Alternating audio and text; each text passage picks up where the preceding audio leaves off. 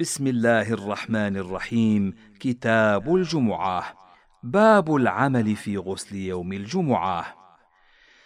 حدثني يحيى عن مالك عن سمي مولى أبي بكر بن عبد الرحمن عن أبي صالح السمان عن أبي هريرة أن رسول الله صلى الله عليه وسلم قال من اغتسل يوم الجمعة غسل الجنابة ثم راح في الساعة الأولى فكأنما قرب بدنه ومن راح في الساعة الثانية فكأنما قرب بقرة ومن راح في الساعة الثالثة فكأنما قرب كبشا أقرا ومن راح في الساعة الرابعة فكأنما قرب دجاجة ومن راح في الساعة الخامسة فكأنما قرب بيضة.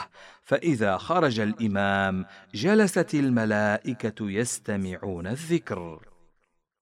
وحدثني عن مالك عن سعيد بن أبي سعيد المقبوري عن أبي هريرة أنه كان يقول غسل يوم الجمعة واجب على كل محتلم كغسل الجنابة.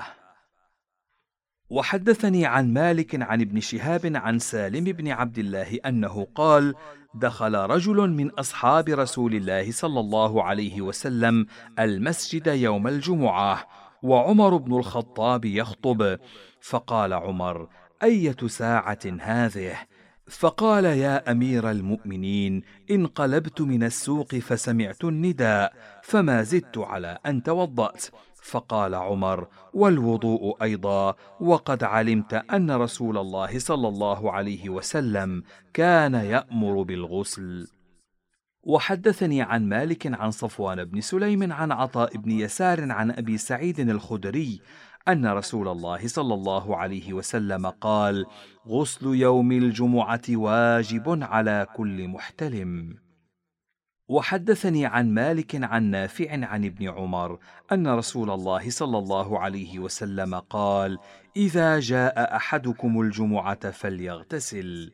قال مالك من اغتسل يوم الجمعة أول نهاره وهو يريد بذلك غسل الجمعة فإن ذلك الغسل لا يجزئ عنه حتى يغتسل لرواحه. وذلك أن رسول الله صلى الله عليه وسلم قال في حديث ابن عمر إذا جاء أحدكم الجمعة فليغتسل. قال مالك ومن اغتسل يوم الجمعة معجلا أو مؤخرا وهو ينوي بذلك غسل الجمعة فأصابه ما ينقض وضوءه فليس عليه إلا الوضوء وغسله ذلك مجزئ عنه. باب ما جاء في الإنصات يوم الجمعة والإمام يخطب.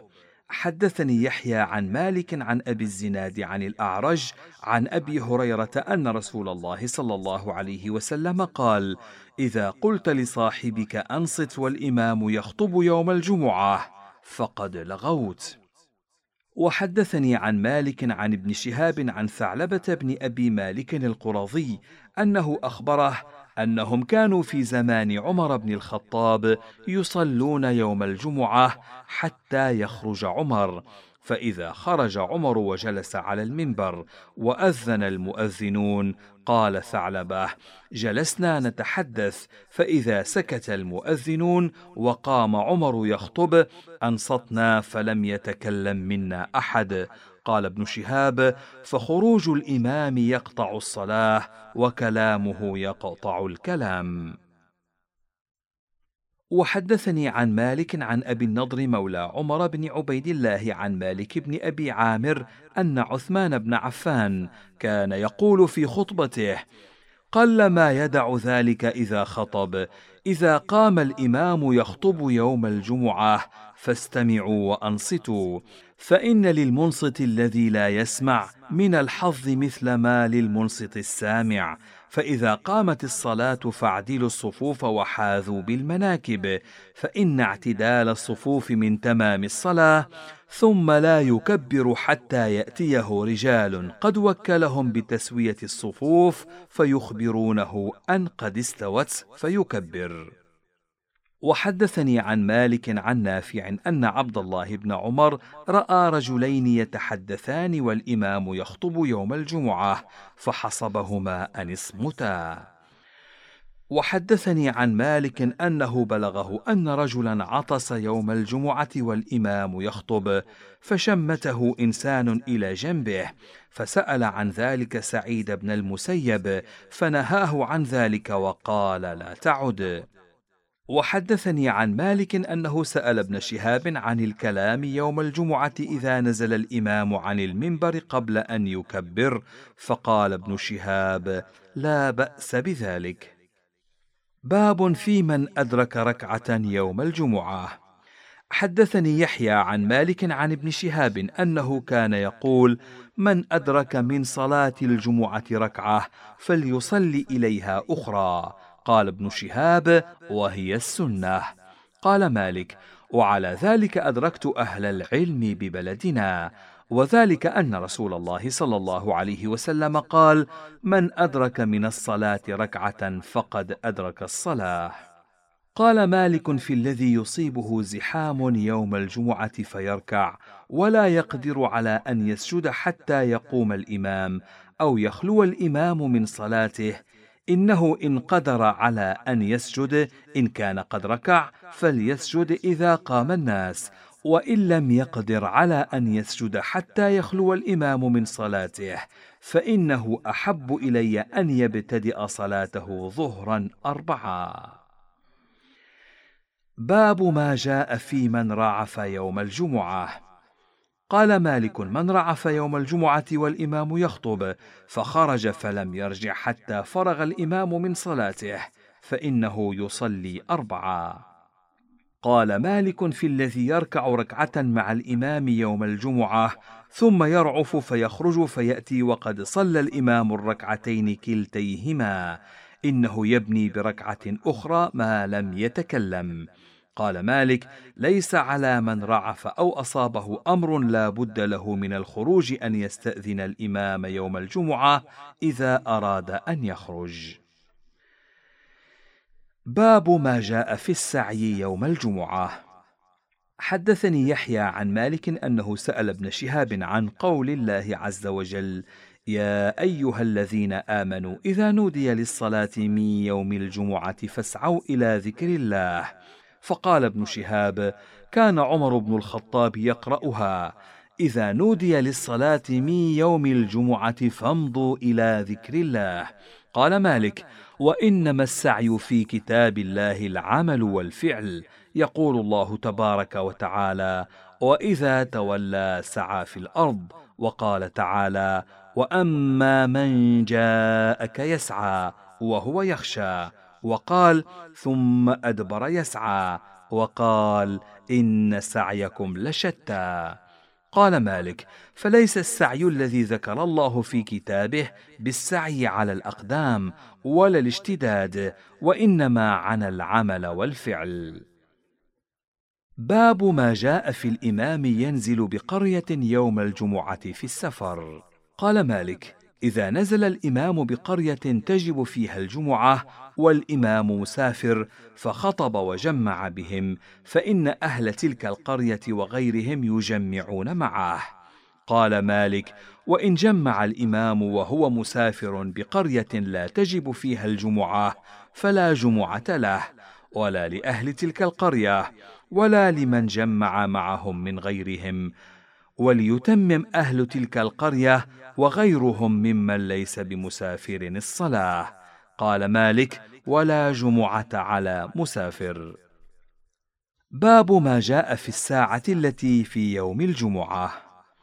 حدثني يحيى عن مالك عن أبي الزناد عن الأعرج عن أبي هريرة أن رسول الله صلى الله عليه وسلم ذكر يوم الجمعة فقال فيه ساعة لا يوافقها عبد مسلم وهو قائم يصلي يسأل الله شيئا إلا أعطاه إياه. وأشار رسول الله صلى الله عليه وسلم بيده يقللها. وحدثني عن مالك عن يزيد بن عبد الله بن الهادي عن محمد بن إبراهيم بن الحارث التيمي عن أبي سلمة بن عبد الرحمن بن عوف عن أبي هريرة أنه قال: خرجت إلى الطور فلقيت كعب الأحبار فجلست معه فحدثني عن التوراه وحدثته عن رسول الله صلى الله عليه وسلم فكان فيما حدثته أن قلت قال رسول الله صلى الله عليه وسلم خير يوم طلعت عليه الشمس يوم الجمعة فيه خلق آدم وفيه أهبط من الجنة وفيه تيب عليه وفيه مات. وفيه تقوم الساعة وما من دابة إلا وهي مصيخة يوم الجمعة من حين تصبح حتى تطلع الشمس شفقا من الساعة إلا الجن والإنس.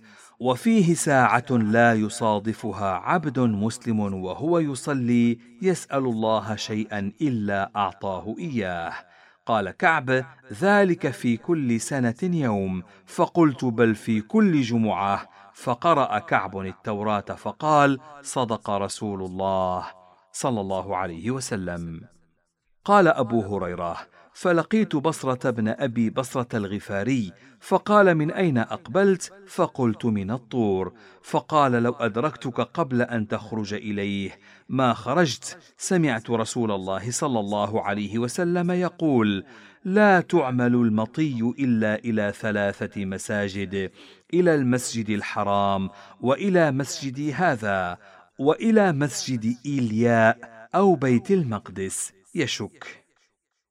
قال أبو هريرة ثم لقيت عبد الله بن سلام فحدثته بمجلسي مع كعب الأحبار وما حدثته به في يوم الجمعة.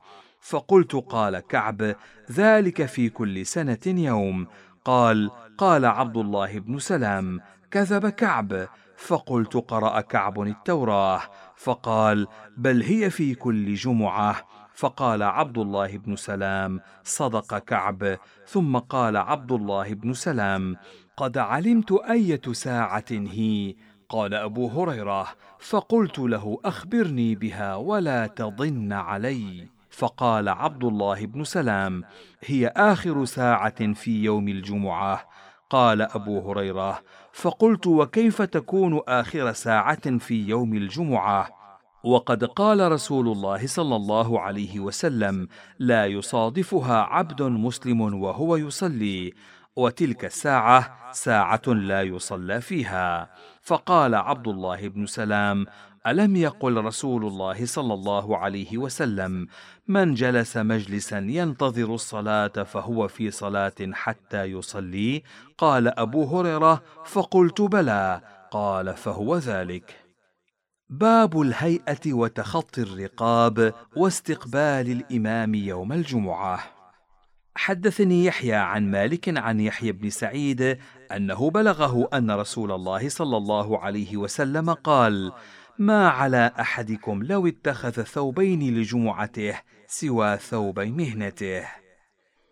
وحدثني عن مالك عن نافع أن عبد الله بن عمر كان لا يروح إلى الجمعة إلا الدهن وتطيب إلا أن يكون حراما. حدثني عن مالك عن عبد الله بن أبي بكر بن حزم عمن حدثه عن أبي هريرة أنه كان يقول لأن يصلي أحدكم بظهر الحرة خير له من أن يقعد حتى إذا قام الإمام يخطب جاء يتخطى رقاب الناس يوم الجمعة. قال مالك السنة عندنا أن يستقبل الناس الإمام يوم الجمعة إذا أراد أن يخطب من كان منهم يلي القبلة وغيرها. باب القراءة في صلاة الجمعة والاحتباء ومن تركها من غير عذر.